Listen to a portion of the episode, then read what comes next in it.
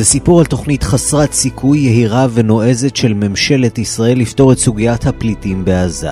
תוכנית שכמותה אפשר היה כנראה להגות רק בשנים שלאחר מלחמת ששת הימים ולפני מלחמת יום הכיפורים.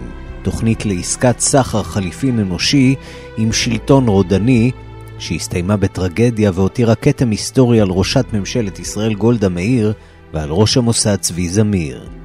עיתונאים רבים פרסמו לאורך השנים פרטים אודות תוכנית פרגוואי. אנחנו נפרסם כאן היום לראשונה את עיקרי התוכנית, שמטרתה הייתה להביא להגירה של לא פחות מ-60 אלף פלסטינים מרצועת עזה בשנת 1969, תוכנית שהסתיימה בטרגדיה.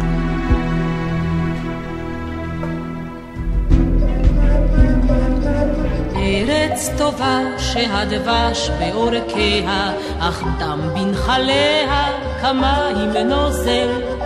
ארץ אשר הרריה נחושת, אבל צביה ברזל. אלפי ישראלים נהרו בשבת אל חופי הרחצה שברצועת עזה. שוטרי התנועה כיוונו את תנועת המתרחצים לעבר החופים. הסתערות הישראלים על דוכני המציאות בעזה אינה יודעת גבול. מלחמת ששת הימים הפכה את ישראל לאימפריה. השטח שבשליטתה הוכפל, הגאווה הלאומית הייתה בשיאה, אבל גם הבעיות.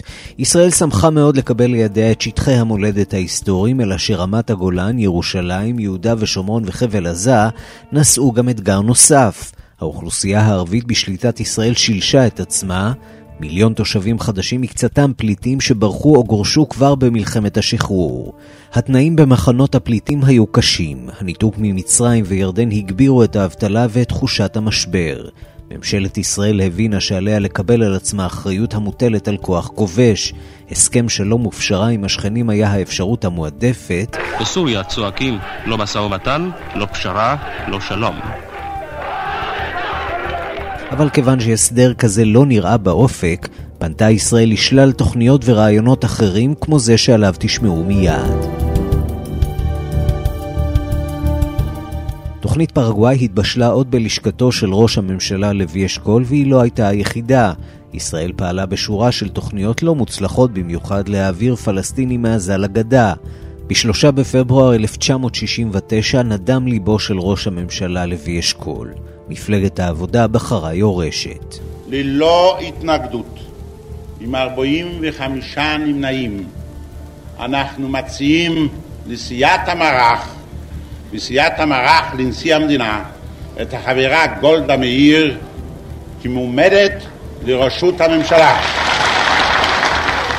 אני, גולדה מאיר, מתחייבת כראש הממשלה לשמור אמונים למדינת ישראל ולחוקיה, למלא באמונה את תפקידי כראש הממשלה ולקיים את החלטות הכנסת. עכשיו לא רק ישראל, אלא גם השטחים בידיה של גולדה מאיר. יש לנו שטחים שאנחנו, ממשלת ישראל, היא הכתובת היחידה בשביל האוכלוסייה בשטחים אלה.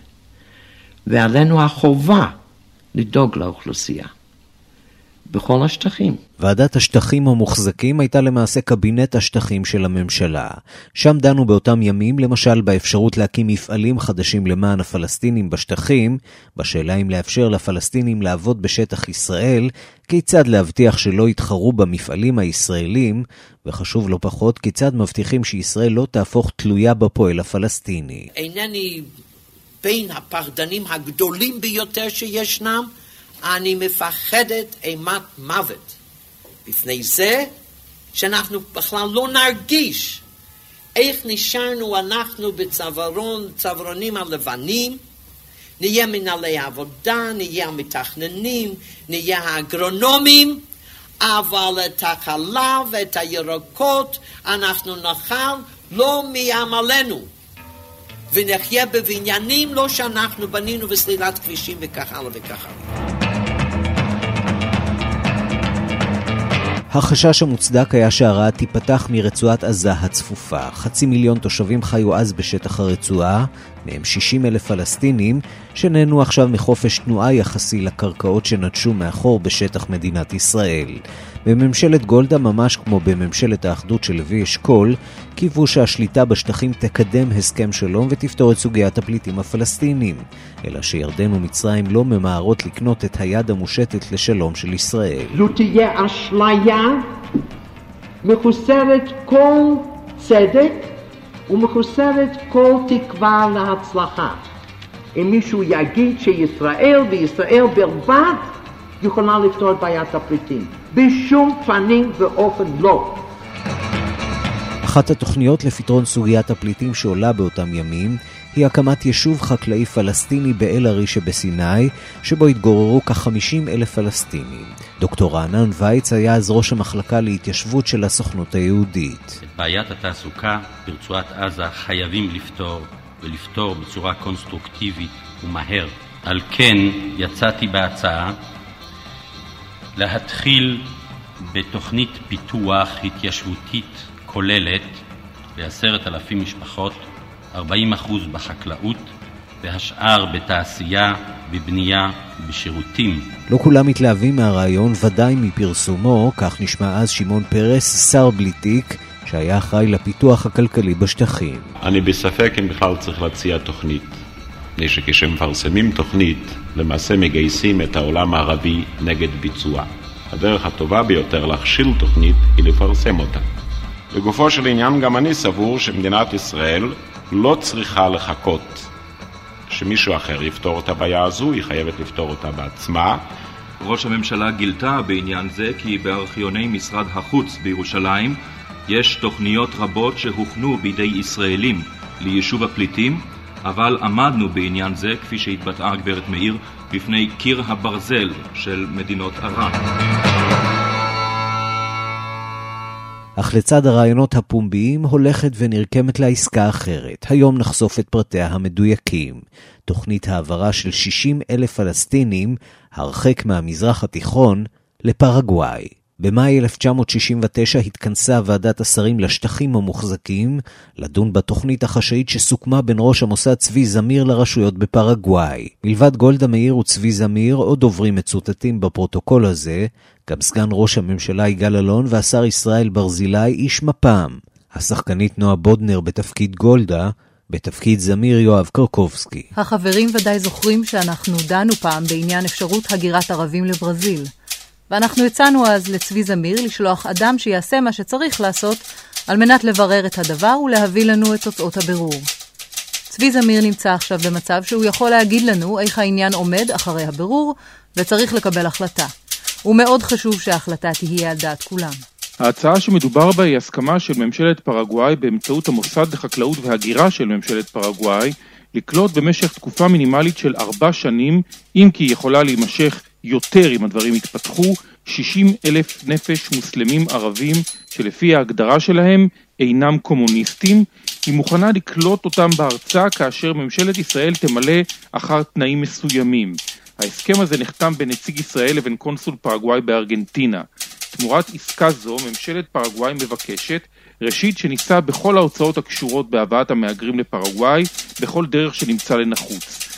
הבעיה שצריך להחליט עליה היא לא רק על 350 אלף הדולר האלה, אלא צריך להחליט על תוכנית שמסתכמת במשך שנים אחדות ב-20-30 מיליון דולר, שפותרת לפי דעתי חלק מהבעיה, משום שהיא מדברת על 60 אלף נפש. זו תוכנית לא קטנה, אבל תוכנית שתהיה מורגשת בשטח ובעלת ערך. אני ממליץ על יסוד ההסדרים עם ממשלת פרגוואי, שאני רואה אותם די אמינים לעשות זאת, ולראות זאת תוכנית פתיחה בתנאים הקיימים.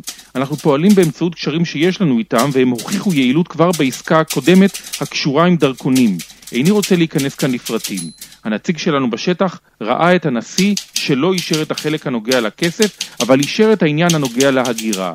יש לנו רושם שאם המשטר הזה בפרגוואי ימשיך להתקיים ולא יהיו בו שינויים, והוא מתקיים שם כבר למעלה מ-20 שנה, אם כל זה יתקיים, התוכנית היא תוכנית בת ביצוע.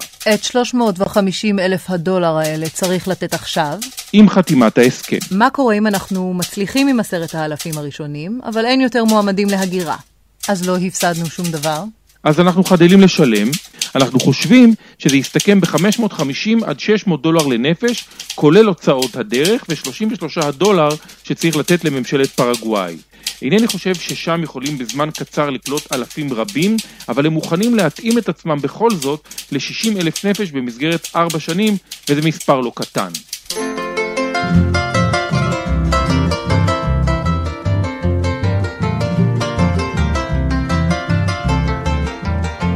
ב-1969 פרגוואי היא דיקטטורה לכל דבר ועניין.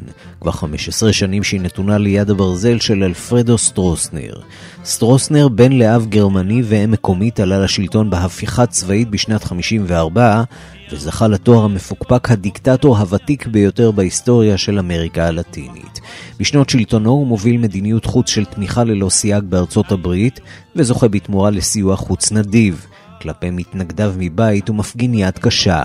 במהלך שלטונו היה אחראי לרצח של אלפים, לעינויים ולרצח הילידים משבט האצ'ה. שחיתות ואפילו פדופיליה הם חלק בלתי נפרד מן ההיסטוריה הפרטית של סטרוסנר. וכן, הוא שומר על קשרים חמים עם ישראל לצד קשרים הדוקים שהוא מתחזק עם לבנון וסוריה. המצב הכלכלי בפרגוואי בכי רע והיא זקוקה לכסף שישראל מציעה.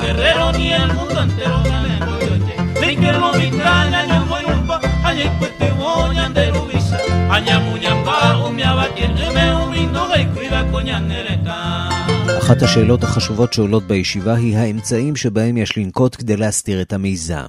מה עושים אם הוא יתגלה? מה יקרה אם יתברר שישראל פועלת לייצא לא פחות מ-60 אלף פלסטינים לפרגוואי? הם מעניקים להם אזרחות לפי החוק של פרגוואי אחרי חמש שנים. בינתיים נותנים להם תעודה שהיא בעצם תעודת זהות, וזו תעודה לכל דבר בלי אזרחות. ייתכן שיהיה כדאי, אם יתברר שקבוצה מסוימת לא נקלטה, לקחת אותם חזרה כדי לא להפסיק את ההמשך של ההגירה הזו. יכול להיות שלנו יש שיקול אם תהיה שם שערורייה כדי לא ליצור מצב מיוחד שעלול למנוע ממהגרים נוספים לצאת לשם. אם יהיה להם כל כך טוב ויהיו להם הוצאות הדרך כדי לחזור, הם ודאי יישארו שם. יהיה רע, ממשלת פרגוואי לא תיתן להם לחזור, ולא תיתן לנו 100 אלף דולר כדי לקבל אותם בחזרה. או במילים אחרות אומרת ראש הממשלה גולדה מאיר, גם אם ירצו, אין כוונה לאפשר להם לחזור לעזה. עכשיו אפשר בהחלט לסגור עסקה, מסכימים כל הנוכחים, בהם יגאל אלון.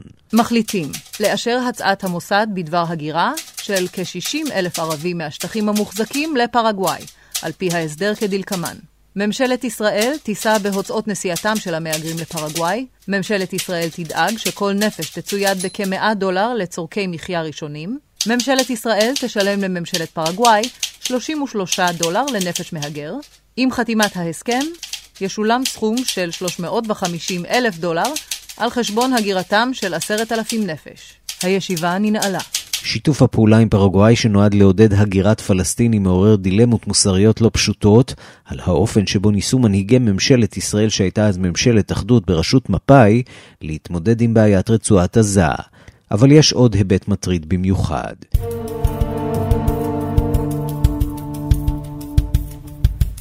מאז מלחמת העולם השנייה הפכה פרגוואי מקלט ידוע לפושעים נאצים, בראשם רופא מחנות ההשמדה יוזף מנגלה.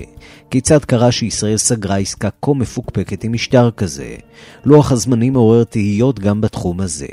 עד שנת 1968 פעלה ישראל ללכוד פושעים נאצים במדינות אמריקה הלטינית והשקיעה בכך משאבים מרובים. עם כניסתו לתפקיד סבר ראש המוסד צבי זמיר כי משאבי הארגון דלים מדי, באישורו של ראש הממשלה לוי אשכול הוחלט להקטין את המאמצים ולהתמקד בפושעים נאצים בכירים. משמעות ההחלטה הייתה כי משנת 1969 הפסיקה ישראל בפועל לצוד נאצים בדרום אמריקה. אכן, זו אותה שנה בדיוק שבה נחתם ההסכם להגירה של 60 אלף פלסטינים עם אחד המשטרים המזוהים ביותר עם הפושעים הנאצים. לו הייתה אז מתפרסמת הפרשה, היא הייתה מעוררת מחאה בקרב ניצולי השואה. כבר בשנת 1969 היה ידוע שפרגוואי היא מקלט לפושעים נאצים, כך דיווח אז ירון לונדון. במפגש הגבולות ארגנטינה, ברזיל, פרגוואי מתגוררים כ-16 אלף פושעים נאצים נמלטים, ביניהם דוקטור יוזף מנגלה. ארץ זו כמו נוצרה לשמש מסתור, בלב יערות האמזונס האבוטים, שמרות החוק אינה מגיעה לשם. לא רק טבע הארץ, אלא גם אופי המשטרים ערב לביטחונם של הנאצים.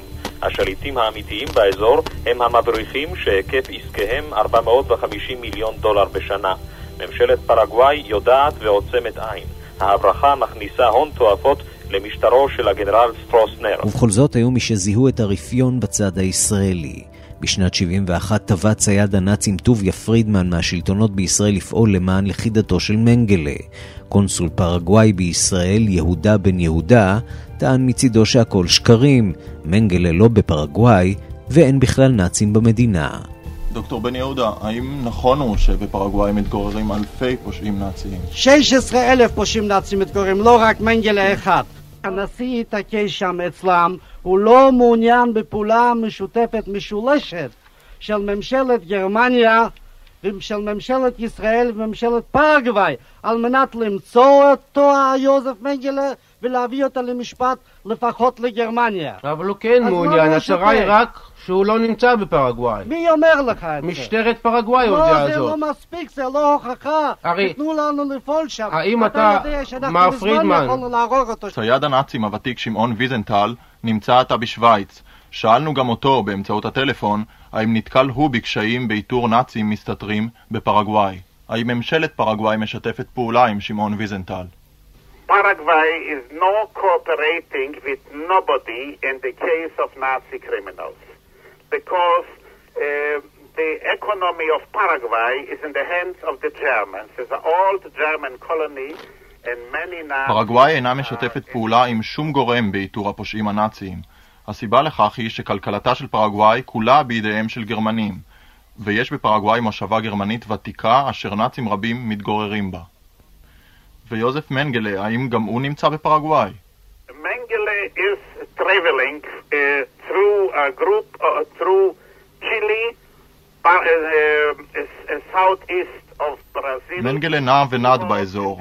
בסיסו הוא בפרגוואי, ובמקרים של חשש מחיפושים הוא עובר לצ'ילי, לברזיל או לארגנטינה.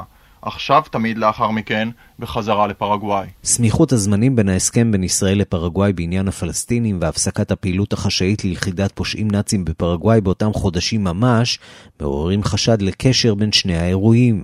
כיצד קרה שהמוסד שאפשר היה לצפות שיפעל ליחידת מנגלה, הוא אותו מוסד ממש שסוגר עסקה עם ממשלת פרגוואי.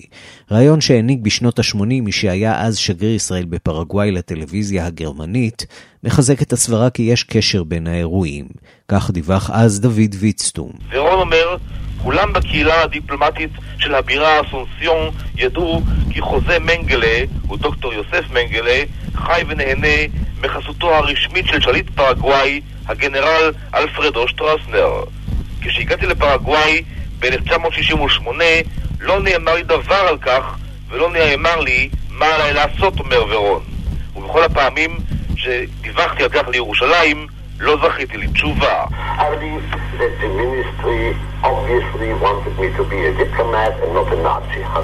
משרד החוץ הישראלי רצה, כך אני מאמין, שאהיה דיפלומט, לא צייד נאצים, אומר השגריר הראשון של ישראל בפרגוואי, בנו ורון. איסר הראל סיפר בזמנו, אומר ורון, כי מבצע נוסח לכידת אייכמן בוטל בשל הקשיים והסיכונים הכרוכים במבצע שהיה בשל הנסיבות אמור להיות פעולה צבאית של ממש. פרגוואי תמכה בישראל, וכך נפל העניין, ומאז לא נקטה ישראל בכל פעולה שהיא.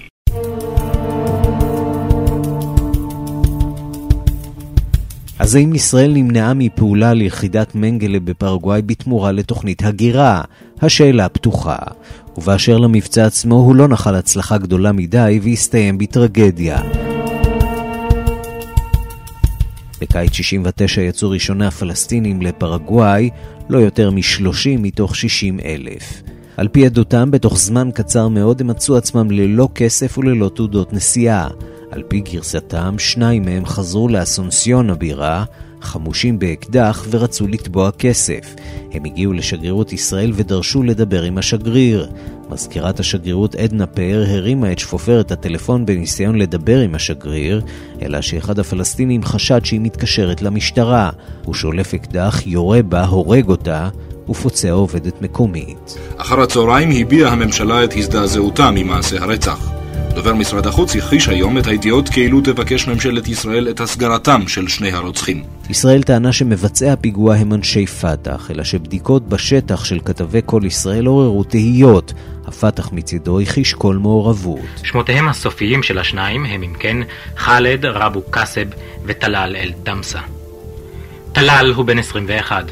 עד ליציאתו מן הרצועה לפני כחודש גר עם משפחתו בשכונת רימל בעזה. בתחילת החודש, לאחר שטלל עזב את הרצועה, מכר אביו את החנות וכלי העבודה הועברו לחנות הדוד שבשוק הצורפים. אם לא הייתי רואה את התמונה, אמר לי שכן, לא הייתי מאמין למה שכתוב בעיתונים. טלל היה בחור שקט, ציין, ובכלל הוא לא מתאים להיות בפתח. מדוע עזב את עזה, אני שואל. השכן משיב כי ידע על רצונו של טלל להגר לברזיל. מדוע? אינני יודע, בזמנו חשבתי שבכוונתו להרוויח כסף, לחסוך ולשוב עם חסכונותיו הביתה.